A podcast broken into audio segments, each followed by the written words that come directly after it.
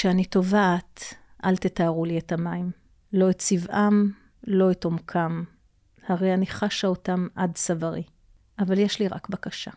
אל תחדלו לרגע מלתאר לי את היבשה.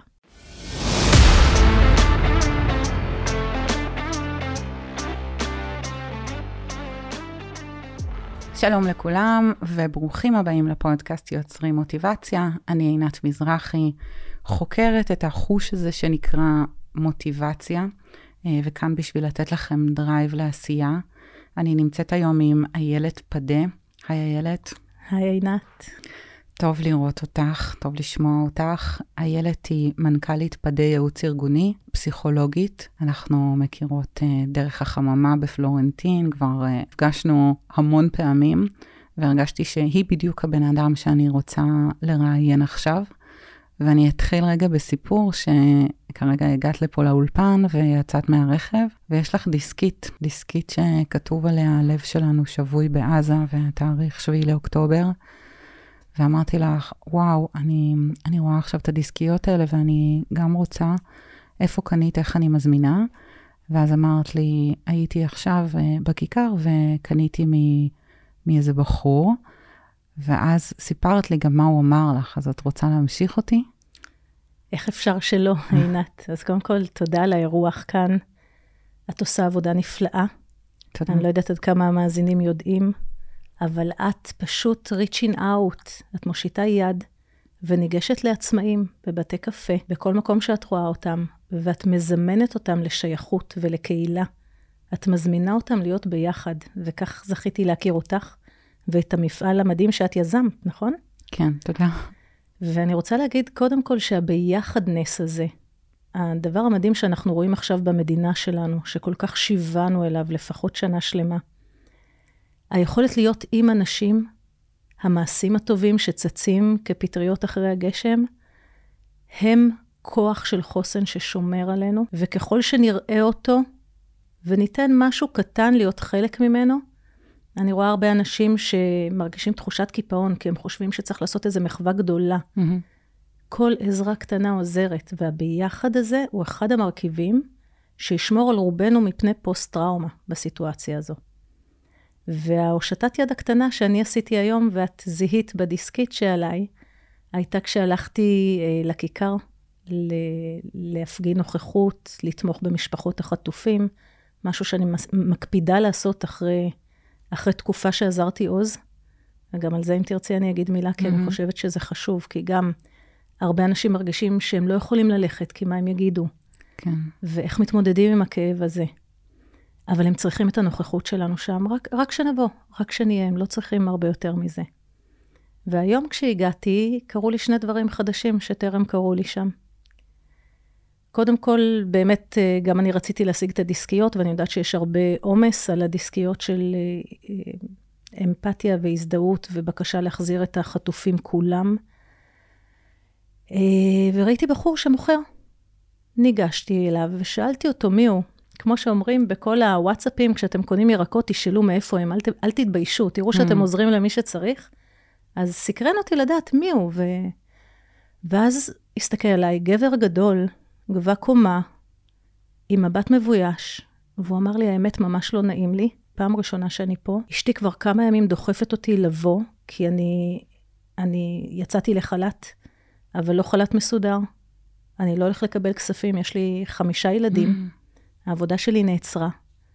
ואשתי שבאה להשתתף ולתמוך במשפחות החטופים, ראתה שיש שם כל מיני אנשים שמוכרים מים, שמוכרים כל מיני דברים, ואמרה לי, לך, גם תהיה איתם, הם צריכים נוכחות של אנשים, גם תתמוך וגם אה, תעשה משהו ש, שמנגיש ומזכיר לכולם, תעשה משהו טוב, ועל הדרך תפרנס את הילדים שלנו. אז שאלתי אותו, על מה הוא מתבייש? ולמה לקח לו? כאילו, למה, מה, מה זו תחושת הבושה, האשמה הזאת? וכמובן שקניתי ממנו את הדיסקית. ואני רוצה להגיד שבאמת הרבה עצמאים, אנשים שהפרנסה שלהם נעצרה, שלא לומר נגדעה, וזורקת אותם לטראומה הקודמת של הקורונה, שחלקם רק זה מכבר הרימו את הראש. אז מאוד חשוב שנושיט יד אליהם. חברים, הספר השכונתי, הקוסמטיקאית, אני יודעת שלחלקנו אין חשק, גם לי לקח זמן, mm-hmm. אבל עצם ההבנה שאנחנו מניעים את המשק, אנחנו עוזרים לעסקים הקטנים, אנחנו מאוששים אותם, ואנחנו גם מאוששים לעצמנו את מצב הרוח. את מבינה אבל את האשמה הזאת, על, על מה היא יושבת? שאיך זה יכול להיות שאני פה, יישב בבית קפה, או ילך לשיעור בחדר כושר, בזמן שיש שם ילדים בחושך לבד בתנאים שאי אפשר לדמיין. האשמה הזאת היא, היא נוראית. לאשמה הזאת יש שם, עינת. האשמה הזאת נקראת אשמת ניצולים, והיא באמת אחת התופעות שמאפיינות את רובנו. אה, חלק נעזרים בהדחקה, אבל במקרה, בטראומה החזקה הזאת שקרתה לנו ב-7 באוקטובר, אחד ממנגנוני ההגנה שבדרך כלל אנחנו מגייסים לעצמנו במקרים של אסונות, אה, כשפרצה המלחמה אה, בין רוסיה לאוקראינה, קורים הרבה דברים בעולם ואנחנו כן. מודעים אליהם, ההתחממות הגלובלית, הרבה דברים. אחד הדברים שרוב האנשים, בשביל ההישרדות שלהם מגייסים, זה מנגנון פסיכולוגי שנקרא הכחשה. והמנגנון הזה, במלחמה שפרצה ב-7 לאוקטובר, עבור רובנו הוא לא היה נגיש. זה פגש את כולנו במשבר של אובדן תחושת הביטחון, אובדן תחושת אמון, חוסר ודאות גדולה, פחדים מאוד מאוד גדולים, וכשאני אומרת כולנו, עינת, יש לי לקוחות מתחום ההייטק שגרים בחו"ל, אני שומעת מהם עדכונים שבת הזוג ישנה עם מספריים מתחת mm. לכרית. כלומר, התחושת הזדהות עם מה שקרה, שסודקת לנו את מנגנוני ההגנה, היא כל כך חזקה. וקודם כל חשוב לי להגיד סביב זה שהלב של כולנו, וזה כל כך ברור, הלב של כולנו עם משפחות החטופים, וכולנו רוצים אותם. אבל מצד אחד, ההיסדקות של מנגנון ההגנה הזה, היא גם עוטפת אותנו באשמה ומקשה עלינו להתאושש ולאושש את המשק, וזה עלול ליצור בומרנג של צרה גדולה נוספת שניקלע אליה. ומצד שני, אנחנו גם מרגישים חוסר אונים ביכולת שלנו לעשות משהו. אז אנחנו קופאים במקום, אנחנו לא עושים, חלקנו קופאים מול המסכים. ולמעשה, אם נזכור שצריך רגע לאפשר לעצמנו להרגיש מה קורה לנו. להבין שכל תגובה היא תגובה נורמלית למצב לא נורמלי. כל איך שהגבנו עד עכשיו זה בסדר. ולפעמים דווקא חוסר התגובה יש בה גם יתרון. הרבה פעמים כשאנחנו בהלם, זה מאופיין בהלם, הלם פה. ממ. יש את אה, מנגנוני ההישרדות שכולם מכירים, שבמצב של סטרס אנחנו נכנסים לתגובה אוטומטית, או של fight, להילחם, או של flight, לברוח, או של fright, freeze, לקפוא במקום. וההלם וההלם הזה, אני חושבת שכל אחד מהמאזינים אה, מצא את עצמו פעם בסיטואציה שהוא אמר לעצמו אחר כך, איך לא הגבתי? כן. ושפט את עצמו וכעס על עצמו. אז קודם כל להבין שזה טבעי. ויש משהו הגנתי במקום הזה של הלקפוא. כל אותם אנשים שעוד לא רצו לעזור ואולי מרגישים את האשמה שהם לא עוזרים כמו אחרים, יש בזה משהו ששומר עליכם. כל מי שעוד לא הצליח להגיע למשפחות החטופים, הרגשתם שזה עוד גדול עליכם, שאתם צריכים רגע להישמר. וזה מאוד מאוד חשוב, כי אני פוגשת מנגד אנשים שמתוך הלב הרחב שלהם רצו מהר מדי. רצו לערוך סרטי וידאו לסרטי הסברה ונחשפו לחומרים קשים מאוד, כן. וזה פגע בהם, יצר אצלם אה, טראומה משנית רק מעצם הצפייה בחומרים. אז יש משהו שאומר לנו, בואו נעצור רגע, בואו נבין מה קורה לנו, ובואו נאפשר לעצמנו לחוות את הרגשות שעולים, כי הרגש הוא ראי. הוא ראי לצורך שלנו, הוא ראי לערך שמתעורר אצלנו. והוא יכול להיות גם ראי למפת הדרכים של מה יהיה נכון לנו לעשות כדי לצאת משם. מה זה אומר בפועל עכשיו, שבואי אני אקח את עצמי, זה הכי נוח לי כרגע, אם ביום-יום שלי אני עושה, אני עושה מופע קרקס לילדים, אני עושה הפעלות כיפיות כאלה. ואני, אין לי חשק עכשיו לשווק משהו שמח כזה. זה מרגיש לי לא לעניין. ו... ואני מביאה מהעולם הזה, כי גם הרבה קולגות שלי הם כאלה, הם, הם אנשים שעוסקים בדברים שמחים, וזה מרגיש לא לעניין. וואו, עינת. קודם כל, את מזכירה לי שהסדנה האחרונה שנפגשנו בה בחממה הייתה אמורה להיות סדנה בנושא הומור. נכון, נכון. ואז כשדיסקסנו לפני, אמרנו, נמיר את זה לחוסן, נכון. וכשנפגשתי עם האנשים המדהימים בחממה שלך, עם צעירי פלורנטין והסביבה, אז אמרתי להם, זה לא יהיה מפגש על הומור, אבל אנחנו כן נשתמש בהומור כחוסן. וכל המפגש בכינו וצחקנו ביחד, כי יש צורך בשני הדברים. אני חיכיתי, עינת, את יודעת שאני תמיד אומרת, תראו פחות חדשות ויותר סטנדאפ, כערובה לחיים טובים. כן. זה המוטו שלי. אה, חוץ מזה שאת הסטנדאפיסטים צריך לפרנס, הם עושים נכון. עבודת קודש ומביאים אור לעולם. אז uh, אני חיכיתי לראות מתי הסטנדאפיסטים ירימו את הראש. ממש בשקיקה פתחתי את היוטיוב, חיכיתי לראות מי מעלה מה, ו... והם מתחילים. הם מתחילים, כן. קודם כל יש את גברת רביע, שממש עושה עבודה מדהימה. נהדרת של לשמוע את המצוקות של האנשים בתקופה הזאת ולעשות therapy through humor. ממש טיפול דרך הומור, ואני חוזרת לתחושה הזאת שלך, של אין חשק, אין, אם המקצוע שלי הוא, הוא בתחום הבידור, או היופי, או כל דבר שאני מרגישה עכשיו שאין לו טעם כאילו, קודם כל אני רוצה קצת uh, צרת רבים חצי נחמה, כי גם כשאני עובדת היום עם צוותים חיוניים, כמו בבנקים, כמו בבתי אבות, גם עובדים חיוניים היום, בחלקם מרגישים שאין טעם.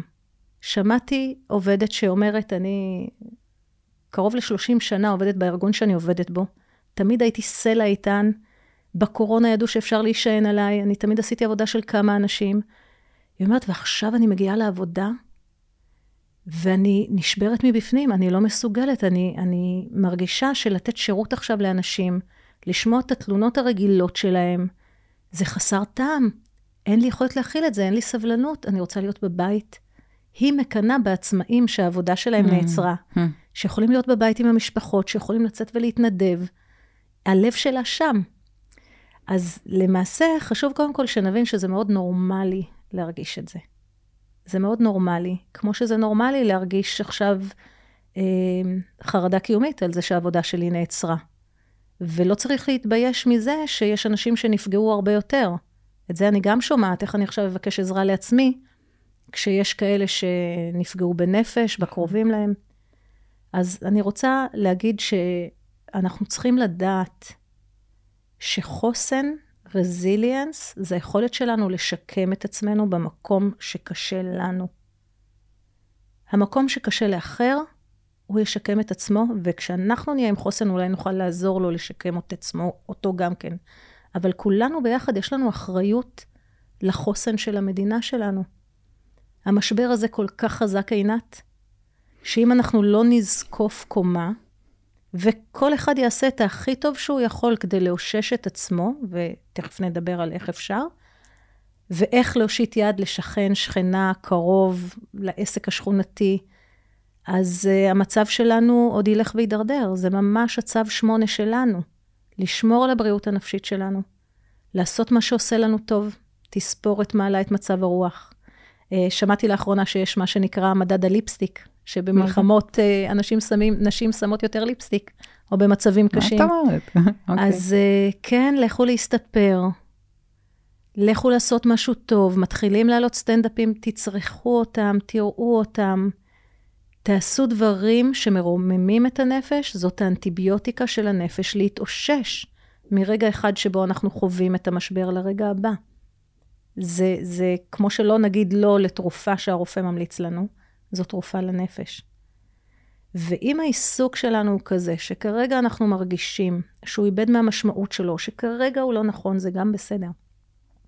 אין שום דבר שאנחנו חושבים או מרגישים שהוא לא בסדר. שוב, הכל תגובה נורמלית למצב לא נורמלי.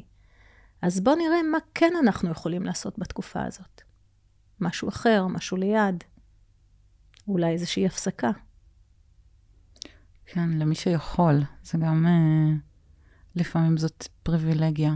אני, אני, אני נתקלת עכשיו לאחרונה דווקא בהרבה מודעות ממומנות, כאילו הרבה אנשים התחילו דווקא לעשות עכשיו קמפיינים לעסק שלהם ולהיכנס לכל מיני תחומים שהם לא היו לפני כן, שזה גם מאוד קשה, פתאום להתחיל לשווק בקמפיין בצורה מאוד אגרסיבית מעסק שלא היה משווק, אז אני רואה אנשים מתנהלים בכל מיני צורות, וכמו שאמרת, באמת אולי אין תגובה נורמלית למצב הזה שהוא לא נורמלי. האנשים האלה מנסים להשיג שליטה במצב שהם איבדו בו שליטה. או כמו שצ'רצ'יל אמר, לעולם אל תבזבז משבר טוב. התפנה להם זמן, נעצרה להם העשייה. הם יכולים ליפול לחוסר אונים, או שהם יכולים לראות במצב הזה הזדמנות. עכשיו, ההזדמנות, גם אם נפלנו לחוסר אונים, שזאת תגובה מאוד נורמלית, כאמור, למצב לא נורמלי, אז בואו נחווה את הדבר הזה, וזו אג'יליות רגשית, שתכף אני אמשיג אותה. אבל אחרי שנצליח לאושש את עצמנו, בואו נראה מה, איזה כיסים של שליטה אנחנו יכולים לייצר לעצמנו במצב של חוסר שליטה. אז אותם עצמאים בוחרים לייצר דברים חדשים, למנף את ההזדמנות של הזמן שהתפנה, לקדם שיווק, אולי להכניס אוטומציות לעסק שלא היו, אולי לפתוח, כפי שאת אומרת, ערוצים חדשים. זו ההזדמנות. אני בקורונה רפרשתי את האתר שלנו, שאתם מוזמנים להיכנס, mm-hmm. אתר פדי ייעוץ ארגוני והדרכה. ולקרוא את המאמר האחרון והמצוין שלך. וכן, זה אחד הדברים שעשיתי, כי האתר הקודם שלי הוא לא היה אג'ייל, לא הייתי יכולה להעלות אליו דברים חדשים, ועכשיו אני כל הזמן יכולה לחדש בעצמי, גם לקחתי את הזמן ללמוד איך עושים, איך מעלים חומרים, אז uh, גם עשיתי חדר כושר למוח. את יכולה להגדיר אג'ייל? למעשה אני מומחית בחוסן. אני נהגת אמבולנס בדימוס. אה, נשלחתי לוורמונט בארצות הברית ללמוד יישוב סכסוכים, כי אחד התפקידים הניהוליים הראשונים שלי היו תוכנית מנהיגות. אני לקחתי משם, זה היה לפני המון שנים, משפט שמאוד העציב אותי, והיום הוא דווקא נותן לי תקווה. המשפט היה שבסכסוך מורכב כמו שלנו, לפעמים צריך להגיע למקום כל כך כואב, עינת, כל כך עקוב מדם לשני הצדדים, כדי שהעם יקום ויגיד די. וזה כל כך העציב אותי אז, כי נורא פחדתי. ממה זה אותו רגע עקוב מדם, ויש לי צמרמורת כשאני מדברת איתך על זה, כי אני חושבת שאנחנו ברגע הזה, היום, אני מקווה לפחות, שאנחנו לא צריכים להגיע למקום עוד יותר עקוב מדם. אני חושבת שאולי מתוך המקום של הכאב הזה, אה, אולי נצליח לייצר משהו אחר. אחרי הקורונה, את אומרת שאני מומחית, חשבתי שאני מומחית, אבל אף אחד לא הכין אותנו למשבר הנוכחי. ואחרי הקורונה דיברנו בארגונים הרבה על אג'יליות, איך להצליח להסתגל לשינויים מהירים. זה מגמות שהתחילו עוד לפני הקורונה, אבל הקורונה האיצה אותם, של איך להיות מהיר תגובה, גמיש במחשבה, אה, בתגובתיות. שזה בעצם יעיל. אג'יליות. כן. מהיר, כן. גמיש, מסתגל אה, מהר. היכול, מסתגל מהר, בדיוק. היכולת להסתגל מהר, להגיב מהר ובגמישות ובאפקטיביות ויעילות לשינויים, אוקיי? קצת סופרמן כזה, mm-hmm. או סופר וומן. אמ, ושנים, המצרך הזה של סדנאות של אג'יליות שאני מלמדת היה מאוד מאוד מבוקש בארגונים עסקיים, בארגונים ציבוריים. ואני עכשיו אה, מכניסה לו תוכן חדש שנקרא אג'יליות רגשית. אג'יליות רגשית היא כאילו סותרת את האג'יליות של לאסוף את עצמך מהר, לא לשקוע ברגשות ולהגיב, אבל למעשה מה שמוכח במחקרים של הזמן האחרון, זה שאנשים, קודם כל רובנו מנסים או להדחיק את הרגשות השליליים שלנו, כדי להמשיך לתפקד ולהתמודד, או שאנחנו שיפוטיים לגבי הרגשות השליליים שלנו. אבל המחקרים מראים שרק אם אנחנו מאפשרים לעצמנו להרגיש את הרגשות, להיות אג'ילים רגשית, אחת המנהלות כינתה את המונח אג'יליות כג'לי, להיות קצת mm. ג'לים, פלקסביליים, לאפשר לעצמנו להיות בכאן ועכשיו. אה, כשבא גל של רגש, לא, לא להיבהל לרכב עליו, גם אם הוא לוקח אותנו למטה, לסמוך על החוסן הנפשי שלנו, שהרגש הוא כמו גל, שגם אם נצלול איתו, הוא יעלה אותנו חזרה. אבל אם לא נעשה את זה וניאבק בגל הזה, אז או שנחיה בניכור, ולא נתכח... לא נוכל להרגיש, לא נוכל לחיות את, לחיות את החיים במלואם. ואם אנחנו נחווה את הרגשות, בעצם זה יאפשר לנו להיות אותנטיים בארגונים שמאפשרים סדנאות שהגיבו יחסית מהר ומאפשרים סדנאות כאלה של חוסן, שאנשים משתפים מה עובר עליהם, ודרך זה לא יוצרים הצפה רגשית, אלא מאירים את העוצמות שלהם, ואורזים את זה לארגז כלים. האנשים שעוברים את הסדנאות האלה מרגישים שייכות ארגונית יותר גבוהה. הם מרגישים שרואים אותם, והם מצליחים להיות יצירתיים ולהביא חדשנות ויוזמות נוכח המצב. כי בעצם מתפנה איזושהי אנרגיה שכשאנחנו משקיעים אותה בלהיאבק ברגשות, היא, נכ... היא נכלאת שם, והיא נחסכת מאיתנו למעשה. זה בעצם האג'יליות הרגשית כן. שאת, אה, שאת מתארת. איך את חושבת עכשיו לעצמאים, ש... את יודעת, אני כל הזמן חושבת על החבר'ה של, ה... של החממה, שהם יכולים להשתמש בזה בעצם, באג'יליות הרגשית, בצורה פרקטית, כן? מה אני יכולה לכתוב, או איך אני יכולה לתקשר את מה שאני עושה, את העסק שלי. אז זה כל כך מדויק מה שאת שואלת. כי בדיוק אני אביא את הדוגמה שהבאת מקודם, שאת רואה שיש עצמאים שממש מרגישים את המאבק שלהם עכשיו, שהם פתאום משווקים כן. באגרסיביות. כן. ובאיך שתיארת את זה, חוויתי אצלך גם סוג של, סוג של דחייה. ש, שעלייך זה לא עובד, נכון? כן. שכשאת רואה את זה... כן, זה מרגיש לי מאוד לחוץ כזה. או, או. שאני, שזה שיפוטי כנראה, נכון? זה לא אותו, זה... עכשיו את שיפוטית לגבי השיפוטיות שלך. נכון. ו... כי זה מרגיש לי... רגע, רגע, אני, אני, אני רוצה בדיוק לקחת את הנקודה okay. הזאת. אוקיי. בדיוק את הנקודה הזאת. קודם כל, איך שזה מרגיש לך, צריך לשהות עם זה. את אומרת, זה מרגיש לי, אל תהיי שיפוטית לגבי הרגש שעולה בך. זה מה שאנחנו עושים, זה מה שרובנו עושים. או שאנחנו מנסים לא להרגיש את זה, כי היה טרנד מאוד חזק של Don't worry be happy, של think positive, זה, אלה היו הסיסמאות, ואז למעשה קטלגנו רגשות מסוימים כטובים, ואת כל המנעד האחר של הרגשות כשלילי. ובעצם דייברסיטי, מגוון, לקבל את האחר, זה לא רק מגוון של אנשים, זה גם מגוון הרגשות שיש בתוך האנשים, אוקיי? אז את אומרת, כשאת רואה את הפושריות הזאת עכשיו, כן. זה, שזה מרגיש לך לחוץ, איך זה עוד מרגיש לך? אמ, מרגיש לי שזה מלחיץ אותי, שזה מרחיק אותי ממי שמשווק עכשיו בצורה אגרסיבית. אה, נגיד, מי שבכלל, את יודעת, אני אומרת עכשיו הכל, כן? בלי מסננים, אני אומרת את זה בכנות, כי נגיד, מי שלא משתף בכלל דברים על המלחמה ומשתף רק על העסק שלו, כאילו מתעלם מזה שמהמצב פה, אז זה מרגיש לי, מה, אתה, אתה כזה מנותק? לפחות אז תאזן. לפחות תעלה גם דברים על זה וגם דברים על זה, אבל מה, רק בעסק אתה מתעסק? וזה כאילו קצת מאכזב אותי, מעצ... אני מאכזבת מעצמי שאני שופטת ככה אנשים. כי לפעמים אני מרגישה אני פריבילגית, אין לי ילדים, אין לי uh, הוצאות מאוד מאוד גדולות, התחייבויות מאוד מאוד גדולות. אז מה אני שופטת? מישהו שיכול להיות שהוא עכשיו צריך את הכסף ויש לו משפחה לפרנס. וואו, אז יש כל כך הרבה מה להתייחס למה שאמרת. קודם כל, באותה מידה, יכולת להגיד, להם לפחות יש משפחות, יש להם עם מי להיות ביחד. אוקיי? יש הרבה אה, אנשים שהם לא במשפחתיות, שחווים אתגר אחר, של בדידות, אוקיי? וזה נכון שכשמישהו בהישרדות, והוא צריך לפרנס משפחה, או אפילו רק את רמת החיים שהוא התחייב אליה, והוא מתחיל להיאבק, קצת כמו המשל של שני, שתי הצפרדעים שנפלו לדלי עם שמנת, את מכירה אותו? סיר רותח? או מה זה היה? לא, זה, זה, זה משל אחר, מסכנות הצפרדעים. ממש, הרבה, כן. הרבה משלים אה, אה, סיפרו על, אה, על שני צפרדעים שנפלו על סיר שמנת, והדפנות של הסיר מבפנים, הכד, mm-hmm. חלקלק. Mm-hmm. והם ניסו לצאת, ניסו לצאת, והן שוקעות בתוך השמנת, ואחת אמרה, טוב, אין, אין סיכוי, אין מה לעשות, אני מרפה וצללה וטבעה. השנייה אמרה, לא, כל עוד יש בי כוח, אני לא מפסיקה להיאבק. והיא בעטה ברגליים ובידיים, וניסתה לטפס על הדפנות, והחליקה והמשיכה, ועד שהשמנת, מרוב החביצות, הפכה לחמאה. ואז היא יכלה לטפס mm. עליה ולקפוץ.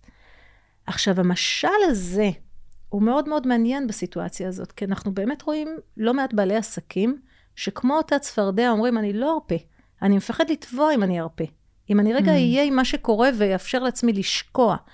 אז הם נאבקים ונאבקים, אבל במקום שהשמנת תהפוך לחמאה, זה הופך למשהו שאת מתארת אותו בחוויה שלך, בחוויית הלקוח מהצד השני, כלחוץ, לוחץ, מנותק, לא אמפתי, כי למעשה הם מדחיקים את הרגשות שלהם, והם נאחזים בעשייה. עכשיו, יכול להיות שעבורם זה קרש ההצלה כרגע. כי שוב, אמרנו שאין תגובה... אה, נורמלית למצב שהיא, לא נורמלי. בדיוק, כל תגובה היא נורמלית למצב לא נורמלי. אז אם עבורם מה לעשות כרגע, כמו שאני, בקורונה חידשתי את האתר, יצאתי בפרסומים, הכנתי כל מיני דברים, כתבתי המון כתבות, עשיתי המון התנדבויות. ולקח שנה, שנה. עכשיו, בחוכמת הבדיעבד, אני אומרת, היה עדיף להרפות, כי זה היה מאוד לא יעיל. מצד שני, יש את אותו פחד קיומי, הישרדותי, של לייצר פרנסה. אבל אם רגע, כל העצמאים ששומעים אותנו, או מי שיצא לחל"ת וזה לא יכול לפרנס אותו די הצורך, נאפשר לעצמנו רגע להתמסר לרגש הזה, להרגיש אותו, כמו שאומרים, לא לפחד מהפחד. אומץ הוא לא היעדר הפחד, אומץ הוא פחד מהלך. היכולת להרגיש את הפחד, להבין לאן הוא מכוון אותנו, מה הוא מאיר בנו, והאם הפעולות האלה משרתות אותנו, או שאולי פעולות אחרות יהיו מדויקות יותר עבורנו. זו האג'יליות הרגשית. כי למעשה הרגע שמתעורר בנו הוא דאטה, הוא נתונים שאנחנו צריכים, כמו חוקר סקרן, רגע להתבונן בהם ולהבין מה, מה הרגשות האלה באים ללמד אותנו עכשיו. אם אני בחרדה מיכולת ההשתכרות שלי, אז אני צריך רגע לשהות בתוך הדבר הזה. ולהבין איזה ערכים הרגש הזה מאיר. אז זה מאיר אצלי את הערך של להיות עצמאי, שלו להיות תלוי. אה, הרבה ערכים יפים, אוקיי? אז קודם כל לראות את העוצמות שיש מתחת לרגש הזה. ואז לדייק לעצמי את זה. כמו שאת אמרת מקודם, אה, אני מרגישה שאני שופטת, את לא שיפוטית. כרגע את מרגישה שאת שופטת, וזה בסדר, גם לנתק את עצמך מהרגש. אני לא בחרדה. אני כרגע חרד מהמצב. לעשות הפרדה בניסוח ביני לבין מי שאני, לבין הרגשות שלי, ולדעת שהרגשות לא שולטים בי. זה שאני מאפשר לעצמי לחוות את הרגש, זה לא אומר שאני צריך ישר לפעול אותו. הרבה מאיתנו פועלים מתוך הרגש. היכולת הזאת, כפי שדיברנו בהתחלה, שיש הלם ו- ויש הלם, אנחנו רגע קופאים mm-hmm. בפריז, זה משרת אותנו, כי זה מאפשר רגע לעכל מה קורה, ולחשוב טוב מה הצעדים הכי נכונים עבורנו. אז אם כרגע עבור אותם אנשים העשייה, היא מסיחה אותם ממה שקורה, ואת רואה את זה גם בזה שהם לא מעלים עוד חומרים, mm-hmm. כי הם צריכים היסח דעת כרגע. היסח דעת זו פעולה טובה. כי היא מאפשרת לנו להתרחק מהאירוע. היא מאפשרת לנו להתחיל לבנות חוסן כדי להתמודד, וכל אחד בזמן שלו יעכל את האירועים שקרו. לכן אני גם אומרת לא לדובב מישהו לדבר. מי. שצריך לאפשר לו, אבל לא לדובב, כי יכול שיש אנשים שזה עדיין לא הזמן בשבילם. ומצד שני, יכול להיות שדווקא להרפות, להגיד, אוקיי, אז בניתי עסק משגשג, ו- וכרגע זה הדבר היחידי שאני רואה. אבל אם אני ארפה ואני אאפשר לעצמי פרספקטיבה, כמה מאמץ יידרש להחיות את הדבר הזה עכשיו? לעומת אולי כרגע להניח לזה, לצמצם עלויות ולפנות למקורות הכנסה חלופיים, לזהות איפה יש צורך. לפעמים פתרון כן. שהוא קצת אחר, הוא הרבה יותר יעיל כרגע. כן, מי ששומע אותנו עכשיו, שהוא בעניין של לעבוד במוסדות חינוך, אני רואה שדווקא צריכים הרבה מורים, גננות, אה, בכל מיני, גם בבתי מלון, גם במרכזים רפואיים, גם בבתי ספר ובגנים, אבל אני נתקלת הרבה בזה. ואפילו, את יודעת, אומנים שרוצים עכשיו להיות, צריכים מורים לתיאטרון ראיתי היום, ומורות ליוגה בבית ספר, אז זה דווקא יכול להיות אה, אפיק מעניין. ו- וכן, אולי זה לא תהיה אותה, פר, אותה משכורת, כן, אותה פרנסה, אבל זה גם משהו. אני כן רוצה לשאול אותך עוד משהו, אם כבר אני מרגישה שנפתחנו ואני מספרת לך פה דברים שמציקים לי ומפריעים לי, אני רוצה לדבר איתך רגע על ההתנדבויות. שאני מרגישה שאת אמרת שהתנדבת, התנדבת ב... בבתי מלון או בארגונים, איפה? אמ, בסיטואציה ש, שנוצרה, התארחנו תקופה בדיור מוגן של ההורים שלי. Mm-hmm. והסתובבתי שם וחייכתי לאנשים, והחיוך יצר שיח. והבנתי שיש אנשים שחווים עכשיו שואה שנייה. אנשים שמרגישים כעלה נידף, כי באמת אין להם במה להאחז חוץ מבמקלט ובחדשות. ואז יזמתי להתנדב בדיור המוגן ולהעביר שם סדנאות. והתחלתי שיח עם האנשים, וסביב זה התחלתי לתקף מחדש את הכלים שהיו לי, להבין מה רלוונטי ומה פחות רלוונטי. ואני חייבה תודה מאוד מאוד גדולה לדיור המוגן הזה, שאפשר לי, שסמך עליי, שפתח לי את הדלתות, קודם כל אפשר לי להיות משמעותית כשהעבודה שלי נעצרה, ואפשר לי להתעדכן ולפתח את החומרים סביב צורך אמיתי, לא, לא פול גז בניוטרל, כפי שעשיתי בקורונה, בהתחלה. הרגשתי שאני עושה עשייה מאוד מאוד משמעותית, ועם הזמן בניתי ארגז כלים מדויק יותר לצרכי mm. השעה, שיכולתי גם להציע ללקוחות שלי. אז את אה, מרגישה שההתנדבויות דווקא פתחו, פתחו לך פתח לעוד, לפרנסה בעצם? חד משמעית כן, אבל באיזשהו מדהים. שלב גם הייתי צריכה להציב לזה גבול אסרטיבי שלא היה לי קל, כי היה מקום שהתנדבתי לתת הרצאה, ומצאתי את עצמי מעבירה שלוש סדנאות, ואז ביקשו עוד, כי זה היה מאוד מאוד מוצלח, ואז אמרתי, רגע, אה, אני מרגישה שאני נשאבת מעבר ליכולת שלי, כי בכל זאת, יש לי גם שלושה ילדים, וכשאני עובדת או מתנדבת, זה בשלב שלא היו מסגרות. זה עלול לפגוע בעבודה של בן הזוג שלי, של בעלי. Mm-hmm. והרגשתי שלא היה פשוט לי להציב את הגבול הזה, של להגיד, אוקיי, פעם רביעית גלידה, אולי עכשיו נדבר על איזשהו תגמול, גם אם הוא תגמול חלקי. המקומות שהתנדבת בהם, הרגשת שמעריכים אותך באותה מידה, כמו מקומות שהגעת להרצות בהם בתשלום? אני יכולה להגיד שהיו מקומות שהתחלתי שם בהתנדבות, וכשהעליתי את נושא התשלום, הייתה השהיה. מה זה אומר? לקח זמן, אם היה ביקוש מאוד גדול ורצו עוד, ואז אמרתי, אוקיי, אז בואו נדבר על איזשהו תגמול, אז פתאום מהצורך הגדול והרצון לתאם תאריך, זה פתאום לקח זמן.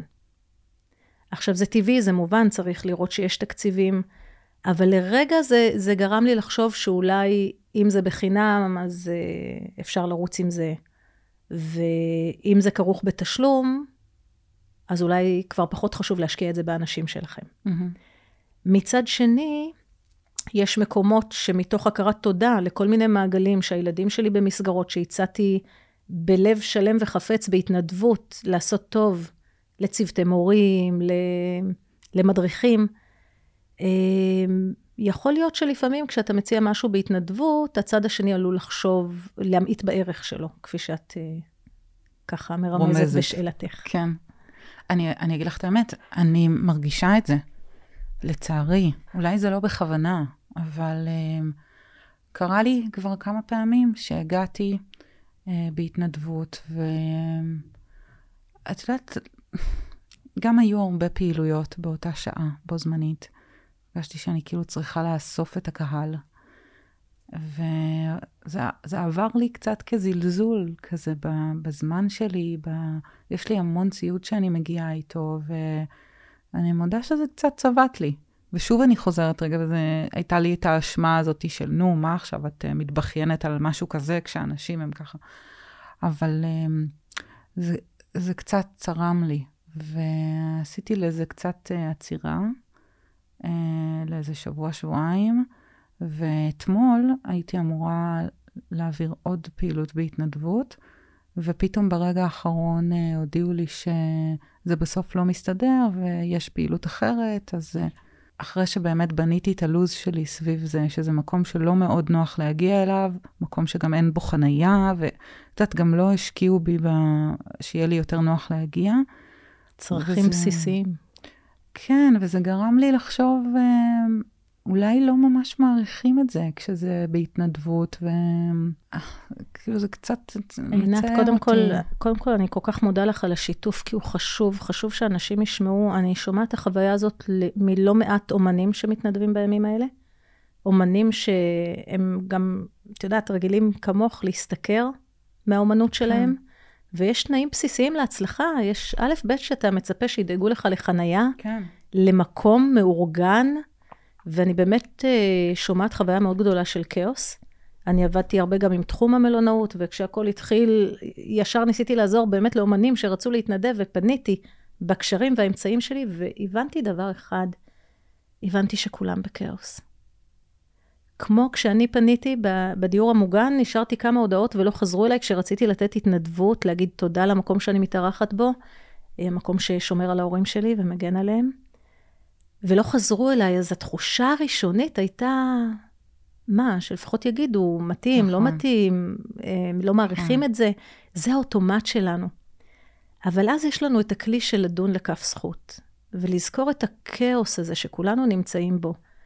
ולמדתי לימים מהשיחות שלי ומההיכרות, כמה צוותים חיוניים במגוון ארגונים כל כך מותשים היום. יש צורך כל כך גדול, תחשבי על הצוותים האלה במלונות, שפתאום מצאו את עצמם צריכים להתארגן אחרת. ושיהיה מישהו בכלל, לא היה תפקיד כזה של לקלוט ולארגן מתנדבים, כן. ובגדים, וציוד, ומה עושים עם כל הדבר הזה? אז הכאוס הזה גורם לאנשים לכל מיני תגובות. והבחירה, אם אני אדבר רגע על הבחירה ככוח של חוסן, הבחירה שלנו היא קודם כל ברגע הראשון שאנחנו מרגישים איזה עלבון כזה, או תחושת זילות למה שאנחנו מציעים, אז שוב, סביב האג'יליות הרגשית, רגע לחשוב מה הרגש הזה אומר לנו. איזה ערך הוא מאיר? מה הערך שהתחושות האלה שאת הרגשת, מה הערך שעומד בבסיסם? שמזלזלים בי, שלא מעריכים אותי, או, ש... אז, אז שאם אנשים הוא... לא משלמים על משהו, הם לא מעריכים אותו. אז הערך הוא הצורך בכבוד הדדי, ואני שמעתי שם גם את עניין המשמעותיות. האם זה משמעותי? האם זה נכון. בחינם? האם זה מוערך? האם יש ערך? האם מה שאני עושה הוא משמעותי? ואז איפה הבחירה שלנו בסיטואציה הזאת? ברגע שהרגש, אפשרנו לעצמנו קודם כל להרגיש אותו. ולך יש חוסן נפשי, נפשי עינת, כי את עצרת. את אמרת, רגע, זאת החוויה, אז אני רגע עוצרת. אמרת, עצרתי לשבוע, שבועיים. אפשרת לעצמך לא להמשיך, סליחה על הביטוי, להתאבד על הדבר הזה, כן? לא להקריב את עצמך בכל מחיר. אה, התנדבתי באריזות מזון לצורך העניין. לא חשבתי לרגע שישבת רגל על רגל בבית. אז, אז אני רוצה להמשיך עם, ה, עם הסיפור היפהפה הזה שלך, ולהגיד שאם הערך שעלה אצלך הוא הצורך להרגיש שאת עושה עשייה משמעותית, שלא מזלזלים בה, כן. ושיש כבוד למה שאת מביאה. אז כאן יש לנו את חופש הבחירה. חופש הבחירה הוא באמת לבחור בארגון אחר, שבו לא נרגיש אה, זילות לעשייה שלנו. למרות שאני מאמינה שיש הרבה אנשים שיכולים לארוז, ואין הרבה עינת שיכולות לשמח ילדים. נכון? כן. כלומר, המשמעותיות שאת יכולה לחוש בהתנדבות של אריזות שהן חשובות ביותר, וגם אני הייתי שם, וזכיתי לארוז ולשנע, לבין הערך שלך בלתת את האומנות שלך, הוא אחר. ואז הבחירה יכולה להיות בעיניים של מי את בוחנת את המשמעות. כלומר, לשנות אצלנו את הסטינג, את ההרגלים שלנו, לייצר איזושהי אג'יליות, גם ביכולת הציפיות שלנו למצב. בכלל, בעידן של היום אני אומרת, low expectations is the key to happiness. להנמיך את הציפיות, ולהגיד, כל מה שאני מצפה זה לעשות את הדבר הכי משמעותי שאני יודעת לעשות, שהוא מה בעצם? מה בעינייך מסמל משמעות? לשמח. לשמח. לחבר בין אנשים. מדהים. את יודעת, כש, כשלמדתי לימודי תואר ראשון בפסיכולוגיה, התנדבתי חצי שנה בבית חולים לבריאות הנפש בבאר שבע. אז עוד התלבטתי אם ללמוד פסיכולוגיה קלינית. והיה לי מאוד קשה עם זה שהתגובתיות, הקצב, היכולת שלי לייצר משהו, זה נורא נורא איטי. והמדריכה, העובדת הסוציאלית המדהימה שהדריכה אותי, אמרה לי, תראי איילת, אם הצלחת להעלות חיוך, mm. חיוך, על, כמו החיוך שעולה לך עכשיו, על, ה, על שפתיים של מטופל פה, זה המון.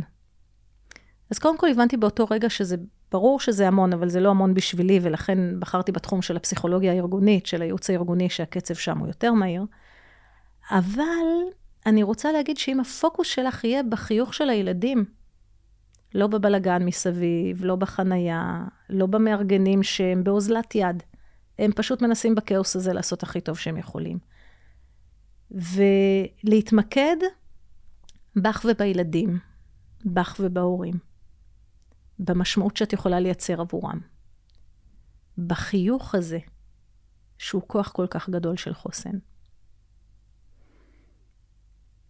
זה כיף לסיים עם אה, דבר כזה, כי אני, אני מסכימה. אני גם חושבת, כן, אני צריכה להתמקד במטרה, בלקוח הקצה, לקוח הקצה שלי, כן?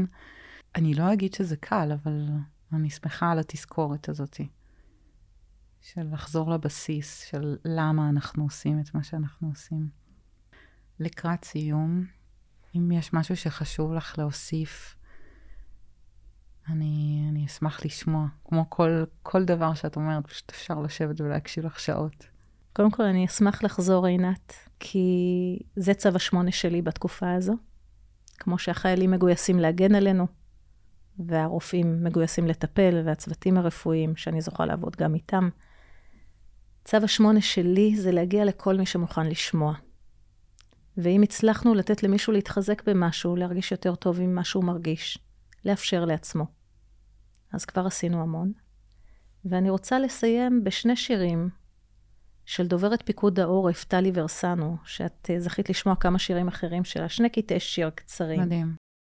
לא בכיתי. כשהיו אזעקות וטילים, לא בכיתי. כשהיו ביישוב מחבלים, לא בכיתי. כשאבי לבש מדים, לא בכיתי. כשבלילה הגיעו שדים, לא בכיתי.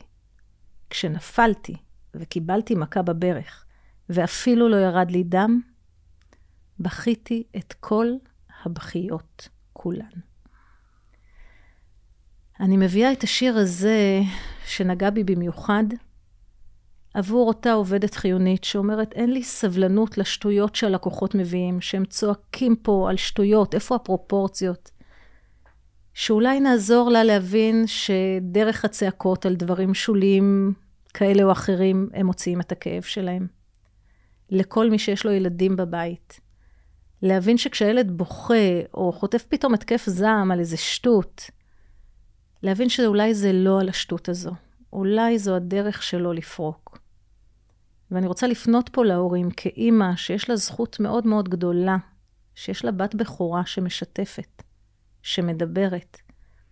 לספר לכם שהילדים שלנו יודעים הכל. גם אם הם גדלים בבתים mm. כמו שלי, שלא פתחו פעם אחת חדשות ליד הילדים, ויש לי מכיתה א' עד כיתה ח', שלושה ילדים שיהיו בריאים, הם יודעים הכל. הם מגיעים לבית ספר, הם נחשפים, הם מדברים בהפסקות. בחלק מהכיתות יש דיונים בשיעורים. גם בת השבע יודעת? גם בת השבע יודעת שבנות מכובדות, ולכן הן עושות שנה פחות, ולכן הן לא נשלחות לקרב ולא מסכנות את חייהן. זו שיחה ששמעתי מבת השבע המתוקה שלי, עם החברה הכי טובה שלה, שגרה אצלנו עכשיו, עם האימא החד-הורית המדהימה שלה, כי הן חוששות להיות לבד. וכשמישהו אמר לי כמה זה מדהים, אמרתי לו כמה היא מדהימה, שהיא מכניסה לנו, האימא הזאת, כל כך הרבה אור ושמחה הביתה, ועזרה קהילתית והדדית, שפתאום בית שפעם היה לי קטן, פחות מ-100 מטר לחמש נפשות בתל אביב, פתאום הוא כל כך רחב ומכיל שבע נפשות בלי שום בעיה. אז מה שאני רוצה להגיד להורים, תנסו להיות. קחו את הפריז הזה שדיברנו עליו, ותאפשרו לעצמכם להיות, להקשיב, לראות מה קורה עם הילדים שלנו, עם בני הזוג שלנו, גם אלה שנראים חזקים.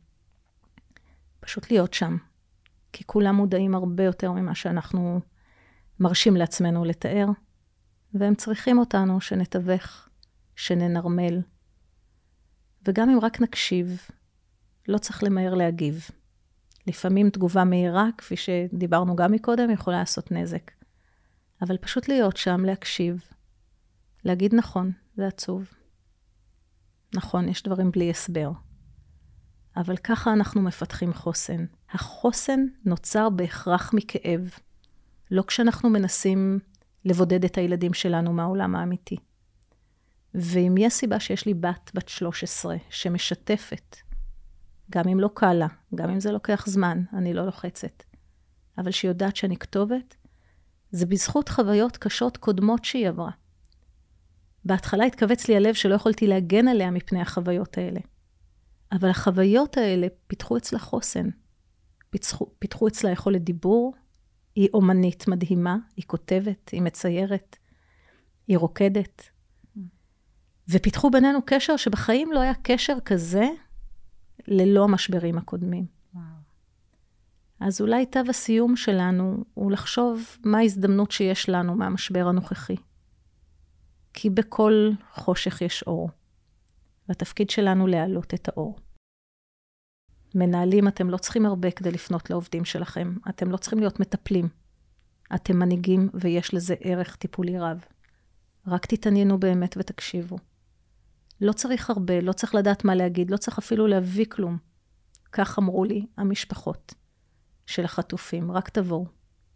תבואו, ואם אפשר, גם תביעו את הקול שלכם שיישמע למקבלי ההחלטות. ולא צריך הרבה. למול העסק השכונתי, המפונים שבאזור, כל מי שאפשר להושיט לו יד. אולי זה אדם מבוגר שגר בבניין וטרם יצרנו איתו קשר. ואני אסיים עם משהו ככה לעודד את כולנו, חוץ מהעשייה הכל כך טובה שמעודדת אותנו ושומרת לנו על החוסן. טלי ורסנו אומרת, כשאני טובעת, אל תתארו לי את המים. לא את צבעם, לא את עומקם. הרי אני חשה אותם עד צווארי. אבל יש לי רק בקשה. אל תחדלו לרגע מלתאר לי את היבשה. מקווה שיצרנו פיסת עדשה ויבשה דרך העדשה להיאחז בה פה. איילת, מיליון תודות. ממש. אני אתרגש כשאני אעלה את הפרק הזה לאוויר. תודה רבה לך. תודה שאפשרת לי להיות משמעותית. תודה, ואמן שכל החטופים ישובו אלינו במהרה, בריאים, בגוף, בנפש. כולם, אני אוסיף מהביקור היום, ללא פעימות. כולם, כולם בנינו, שישובו והחלמה מהירה לפצועים. אמן. ותנחומים למשפחות. תודה רבה.